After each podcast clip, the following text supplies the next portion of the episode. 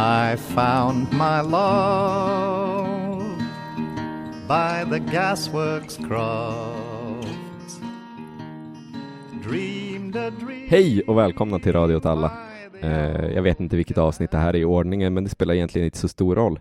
För idag så ska vi börja på någonting som vi inte börjat på innan så mycket och det är att vi tänkte göra ett litet program inom formatet Radio åt alla. För det har liksom varit det som var tanken med Radio åt alla, att det ska vara en härlig blandning mellan eh, vanliga köttiga poddar där vi bara snackar och eh, lite programserier om lite olika specifika eh, områden.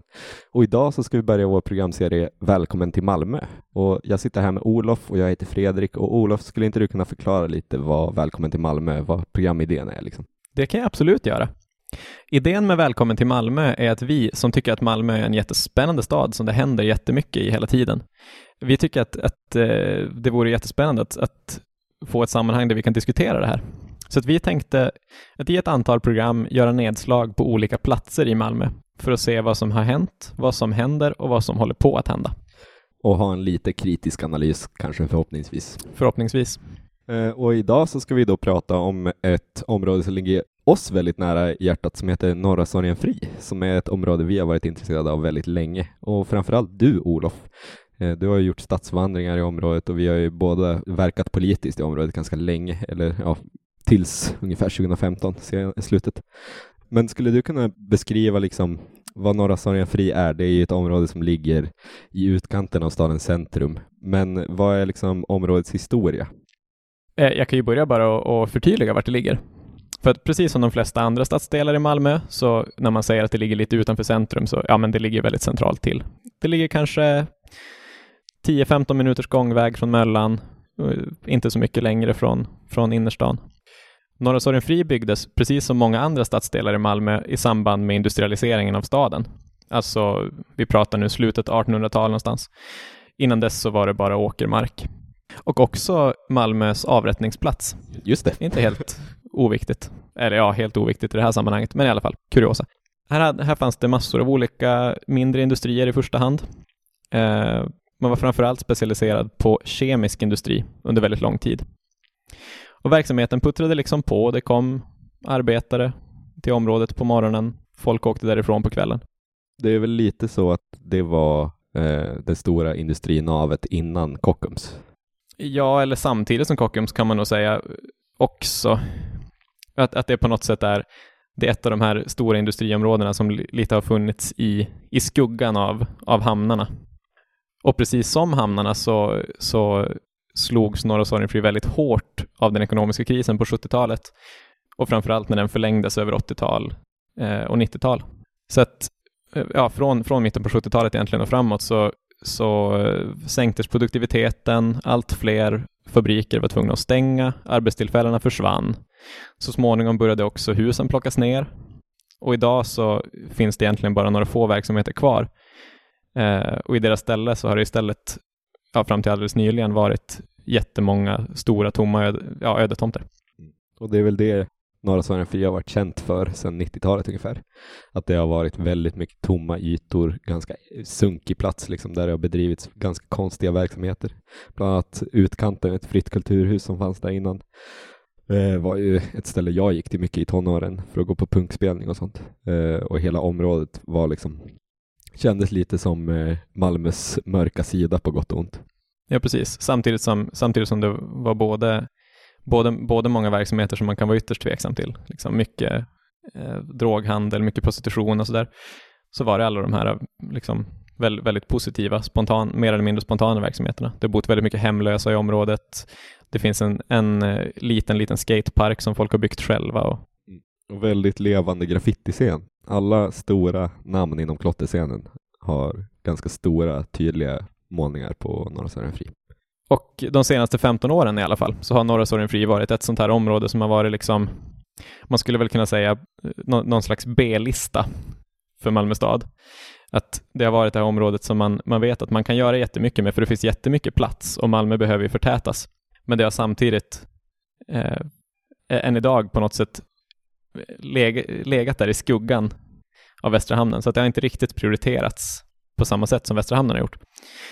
Eh, men i, i början av 2000-talet så då började man liksom planera, man började visionera. Vad kan det här bli för ett område om vi kan bygga något här i framtiden? Och nu de senaste fem åren så har detaljplanerna börjat trilla in och i viss utsträckning har man kunnat, kunnat börja bygga det. Något man också ser om man går förbi på Industrigatan idag. Mm.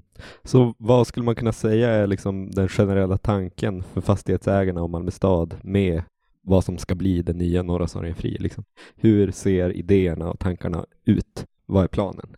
Om, om man ska börja det allra mest konkreta så är det ju helt enkelt att man ska bygga ett nytt, ett nytt bostadsområde med de flesta, de flesta funktioner som hör ett bostadsområde till.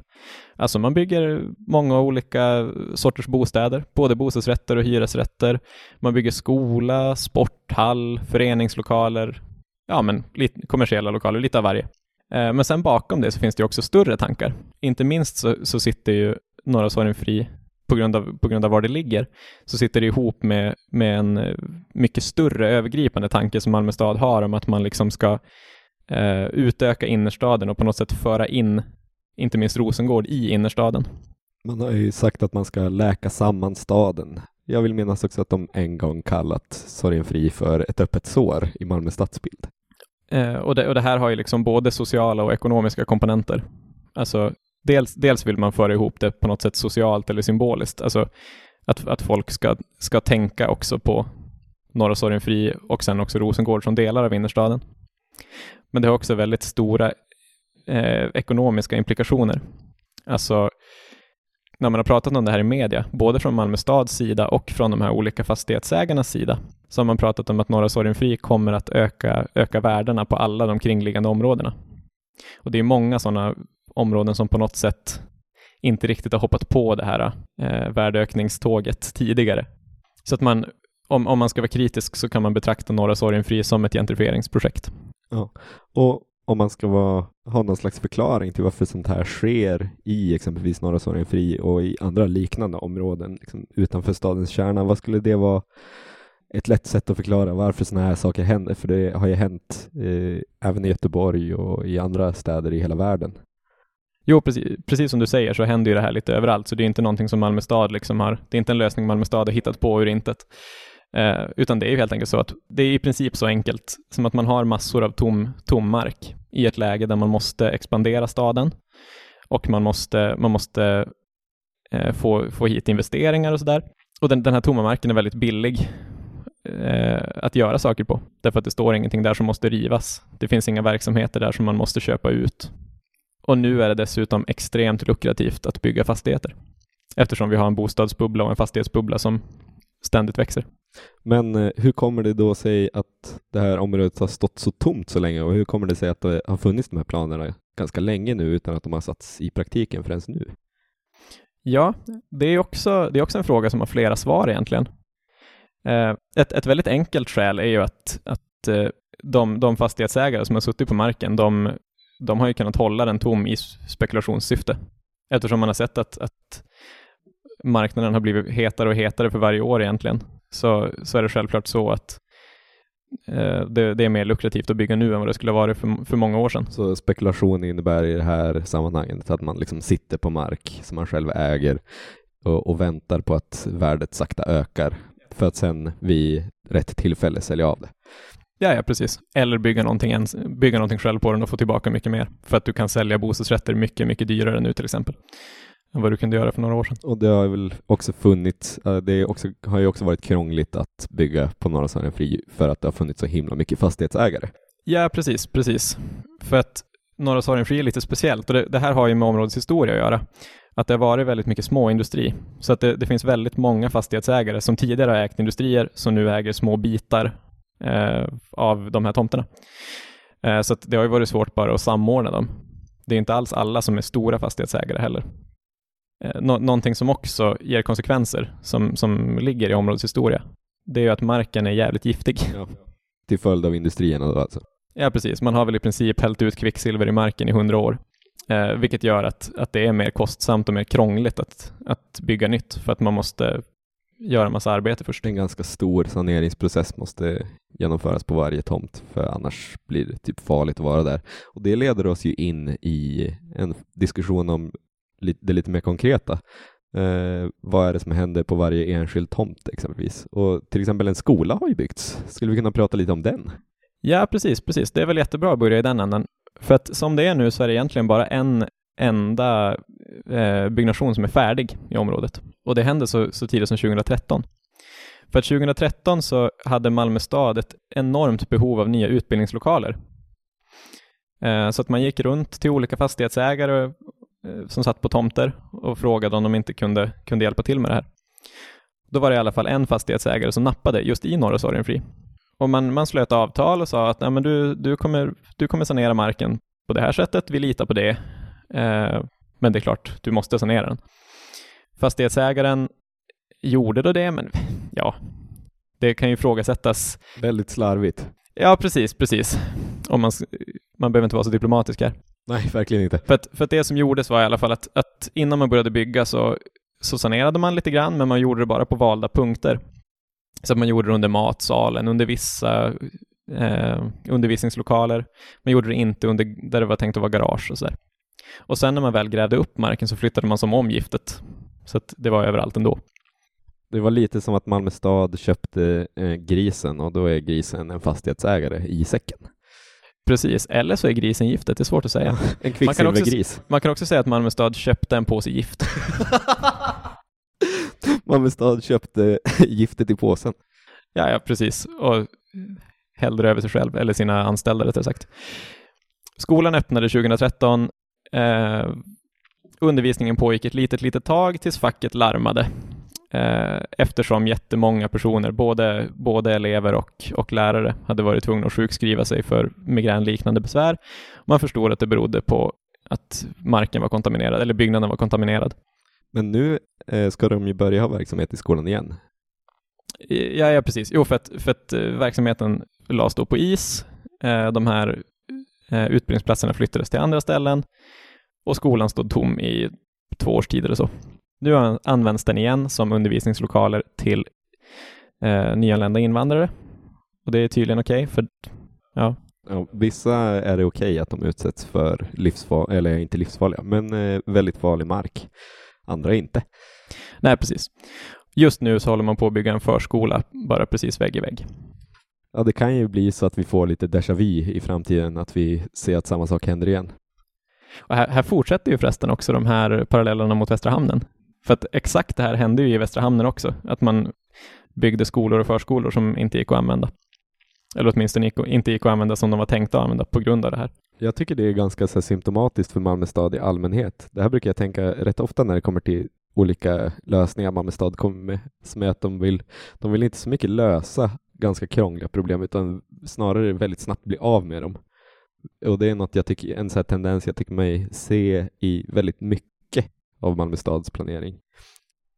Ja, nej men precis. Exempelvis hur de hanterar kriminalitet skulle man väl kunna säga är ungefär likadant. Ja, precis. Man sakta flyttar det gata för gata istället Exakt. för att faktiskt lösa någonting. Ja, precis. Lite fläckvisa lös lösningar här och var. Och så. Ja. Vad finns det mer för saker som händer? Jo, eh, vi kan ju prata om eh, planen för basaren. De pratar väldigt mycket om en basar i planprogrammet. Just det, just det. Den här skolan den ligger då liksom i ena änden, bort mot Rosengård och eh, Västra Sorgenfri. Eh, men på, an på andra änden, mot Rörsjöstaden, det är där man har kommit längst liksom, med den storskaliga bebyggelsen. Att man har, jag vet inte hur många hus man har, huskroppar man har hunnit få upp. Två, tre, något sånt. Ja, det är några stycken. De är inte helt färdigbyggda. Men... Nej, precis. Ingen av dem är helt färdigbyggd, men man kan väl tänka sig att inflyttningsstart kommer ske relativt snart i några av dem. Folk kommer ha väldigt fula utsikter dock. Ja, verkligen, verkligen. Det är fortfarande ödetomter överallt annars. ja, precis. precis. Förutom de här husen kommer man också att bygga vad man kallar för en basar i, i eh, de gamla bussgaragen, de som kallas för båghallarna. Eh, där du ska kunna gå, om du bor i det här området, så ska du kunna gå dit och äta någon slags typ exotisk mat, eh, kunna köpa typ exotiska kryddor och så vidare. Eh, enligt planprogrammet ska du kunna se spontana dansuppvisningar, det ska vara spontana fotbollsmatcher och allt möjligt. Så himla jobbigt. Extremt jobbigt, känns som en livsfarlig plats. Jag vill inte vara på en plats där det plötsligt blir dans. Nej, precis. precis. Min, min sociala fobi hade kickat in stenhårt. Eller skulle vara svårt att möta blickar. Ja. Och, ja, men och skämt åsido, så det här är ju också bara den här, bara den här planen är symptomatisk för mycket i det här området och mycket som händer i Malmö stad överhuvudtaget. För att Norra Sorgenfri, jag sa ju att, att håller, man håller på att bygga massa bostäder. Det är ett område som i första hand byggs för en relativt inkomststark grupp. Eh, och det märks också, inte minst om man tittar på illustrationerna i planprogrammet, även om det här såklart inte, inte helt avspeglar intentionerna hos politikerna, att eh, det är ju framförallt en vit målgrupp. Och dalmatiner. Och dalmatiner. Eh, nej men det, och det, det är väldigt symptomatiskt att man planerar en sån här lite spännande basar där liksom... Och att man kallar det en basar. Exakt, exakt. Att, Ett köpcenter som vi annars Ja, brukar kalla sådana här saker. jo, precis. Ett, ett köpcenter med någon slags mångkulturell edge där man, man kompenserar för, för eh, segregationen med att kommersialisera invandringen istället. Att man ska kunna spice up your life på Norra Sorgenfri, bokstavligt talat. Exakt, på samma sätt, på samma sätt som att de ska ha en eh, kryddmarknad i Limhamn. Liksom. Eh, ja, men så det ska de göra där, förutom bostäder. Då. Eh, och vad ska de göra mer? På andra sidan gatan, så från det här kvarteret, så ligger ju Sankt Pauli kyrkogårdarna. Just det. Och De ligger ju där de ligger. Det är svårt att göra något åt. Ja, det är svårt att göra något åt. Men det här området kommer i alla fall att börja... Där, där vill Malmö att, att man ska kunna utveckla möjligheten att använda kyrkogårdarna som liksom rekreationsområde, som lekplats för barn och park för olika sorters strövanden och picknickar, antar jag. Eh, Brännaren, ska vi prata lite om brännaren? ja, det kan vi göra. Absolut, absolut. Den mest spännande ödetomten i Norra Sorgenfri skulle jag vilja säga, på grund av dess historia men också lite dess framtid. Ja, ja absolut. Eh, för det är, det är ju i kvarteret Brännaren som den här stora graffitiväggen ligger till exempel, som du sa tidigare. Det är också här, det är, fram, det är också framförallt här som hemlösa har bott tidigare. Och, Sen 90-talet. ja, ja, precis, precis. Eh, en stor del av tomten ägs av fastighetsbolaget Granen, som eh, har använt det som, fram till för några år sedan, som parkeringsplats. Men kanske viktigast av allt så var det ju här som Sorgenfrilägret låg. Eh, och Sorgenfrilägret var ju alltså, eh, om jag inte har helt fel, den största boplatsen för EU-migranter i hela Skandinavien fram till dess att den vräktes i november 2015. Och den första riktiga kåkstaden i Sveriges historia på typ 100 år. Ja, precis, på väldigt, väldigt lång tid. För folk började bygga sina egna hus och sånt, blev ganska hemmastadda. Ja, precis. Det fanns till och med en liten restaurang och det fanns bilmekaniker som hade verksamhet där och så vidare och så vidare. Det var liksom ett litet samhälle. Precis.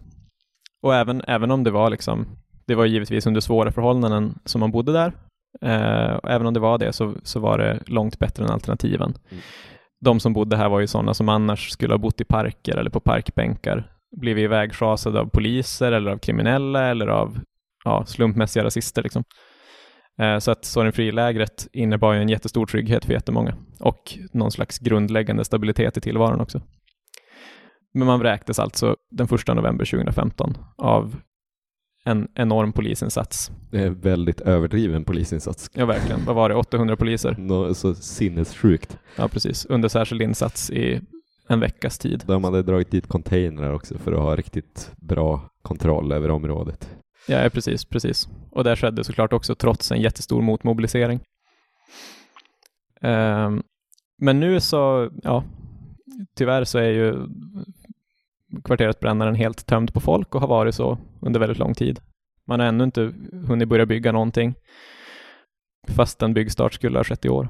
Och det, det som ska byggas där ska på något sätt vara det sociala hjärtat i området. Att man ska ha en skola och man ska ha förskolor och man ska ha en sporthall och ännu fler bostäder. En annan sak som nämns mycket i planprogrammet är ju vad som ska bli områdets ryggrad, alltså Industrigatan. Vad finns det att säga om det egentligen? Mm, ja, vad, vad finns det inte att säga om Industrigatan? Ehm, nej, men Industrigatan går, löper alltså genom hela Norra Sorgenfri. Eh, Gatan är tusen meter lång. Eh, längs med den så tänker man att man ska ha ut, utökade möjligheter för cykeltrafik och gångtrafik. Bilvägen som är nu ska ja, åt, åtminstone inte breddas. Ehm, och så ska det finnas så små verksamhetslokaler och butikslokaler i markplan, precis som det ser ut i alla nybyggda områden egentligen. Men det här är inte allt. För att Industrigatan har ju också något särskilt och det är just den här längden, Tusen meter. tusen meter. I planprogrammet så nämner man att forskning visar att stråk, det vill säga platser med en stark identitet och som folk kan tänka sig att stanna upp på och göra grejer. Bli inbjudna till att handla. Ja, precis, precis. De tenderar att vara tusen meter. För det är nämligen så lång Ströget är. Och det är så lång Oxford Street är i London. Eh, så att Industrigatan är ju helt enkelt Malmös svar på Oxford Street och Ströget. Men Industrigatan är väl eh, någon slags eh, det här stråktanken. De pratar mycket om stråk i planprogrammet, men de pratar också mycket om stråk i allmänhet i Malmö stad just nu. Ja, väldigt mycket. Det går in i alla sådana här planer, att alla nya områden ska ha ett stråk. Till exempel Rosengårdsstråket byggdes ju för några år sedan, det vill säga att man målade en cykelväg rosa och drog den genom Rosengård. Och de ska väl på något sätt göra Frisgatan till ett stråk också, känns det som just nu. Ja, precis. Alltså att någonting är ett stråk kan ju betyda lite vad som Verkligen. helst. Men det, det speglar ju en, en eh, man kan säga ett slags önsketänkande, men också en, en analys som, som genomsyrar liksom modern stadsplanering. Alltså att, att du med hjälp av fysisk planering kan eh, på något sätt skapa mänskliga relationer och skapa så kreativitet och ja, trivsel kan man ju skapa, men om ni förstår vad jag menar. Men specifikt det här inbjudandet till att handla är något de pushar väldigt mycket. Ja, jo, det jo ska vara självklart. stora fönster längs med hela bottenplanet och det ska vara inbjudande. Liksom. Mm, precis, men man pratar mer om det i termer av aktivering och sådär. Att folk ska, ska bli liksom peppade på tillvaron och på varandra. Det här syns ju också i, i hur man pratar om, om hur resten av områ- området ska byggas. Alltså att eh, alla de här, de här eh, husen som ska byggas där folk ska bo, de ska vara planerade så att det går liksom stigar och stråk lite fram och tillbaka genom dem så att du ska kunna gå igenom kvarteren. Det ska vara eh, välkomnande trädgårdar och det ska vara tvättstugor i markhöjd och sådär så att du liksom alltid kan se dina grannar, de kan alltid se dig, du kan alltid hälsa på dem och sådär. Eh, och det här, det här är ju ganska liksom det, det finns väl någon slags, slags saklig grund i det givetvis, men det, det känns ju också lite naivt att tänka sig att, att eh, väldigt, väldigt stark grannsämja och solidaritet grannar emellan ska byggas av att man ser när den som bor på våningen under tvättar. Det är väldigt grundat i liksom två stora namn inom geografin och det är Jane Jacobs och Richard Florida om man vill läsa på sig lite apropå det här. Men eh, vi, eh, om vi ska kanske prata lite om hur vi tror det här kommer sluta. Mm. Kommer det gå bra? Kommer det gå enligt Malmö stads planer eller kommer det gå åt helvete? Och eh, oavsett vad kommer det vara bra för Malmöbon. Ja. Eh, till att börja med kan man väl tänka sig att det här området kommer ju att byggas. Alltså förr eller senare. Kanske inte i så stor utsträckning som Malmö stad säger.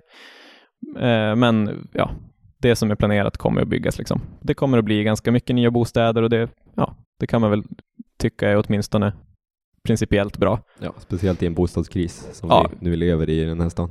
Precis. Men sen kan man ju fråga sig om det faktiskt kommer att fungera som en sån eh, boost för, för eh, fastighetsvärden runt omkring och för, för gentrifieringen av, eh, av den här delen av Malmö. Och det är väl lite mer tveksamt. Ja, för det är så himla mycket saker som måste klaffa. Det är inte bara att man kan bygga ett nytt område utan det är olika instanser som måste eh, agera i samhörighet och är massa Ja. saker. Nej men, nej, men precis, precis. Eh, så det är möjligt att det kommer att hända, men kanske inte heller så mycket som Malmö stad tror. Eh, till, till exempel så man, man vill ju planera för persontrafik på kontinentalbanan, alltså den järnvägen som går, som delar eh, den här delen av staden, delar upp den från Rosengård liksom. Eh, och den planen har inte riktigt gått i lås så som man ville att det skulle göra, så att ja, det är ju som bara en sak.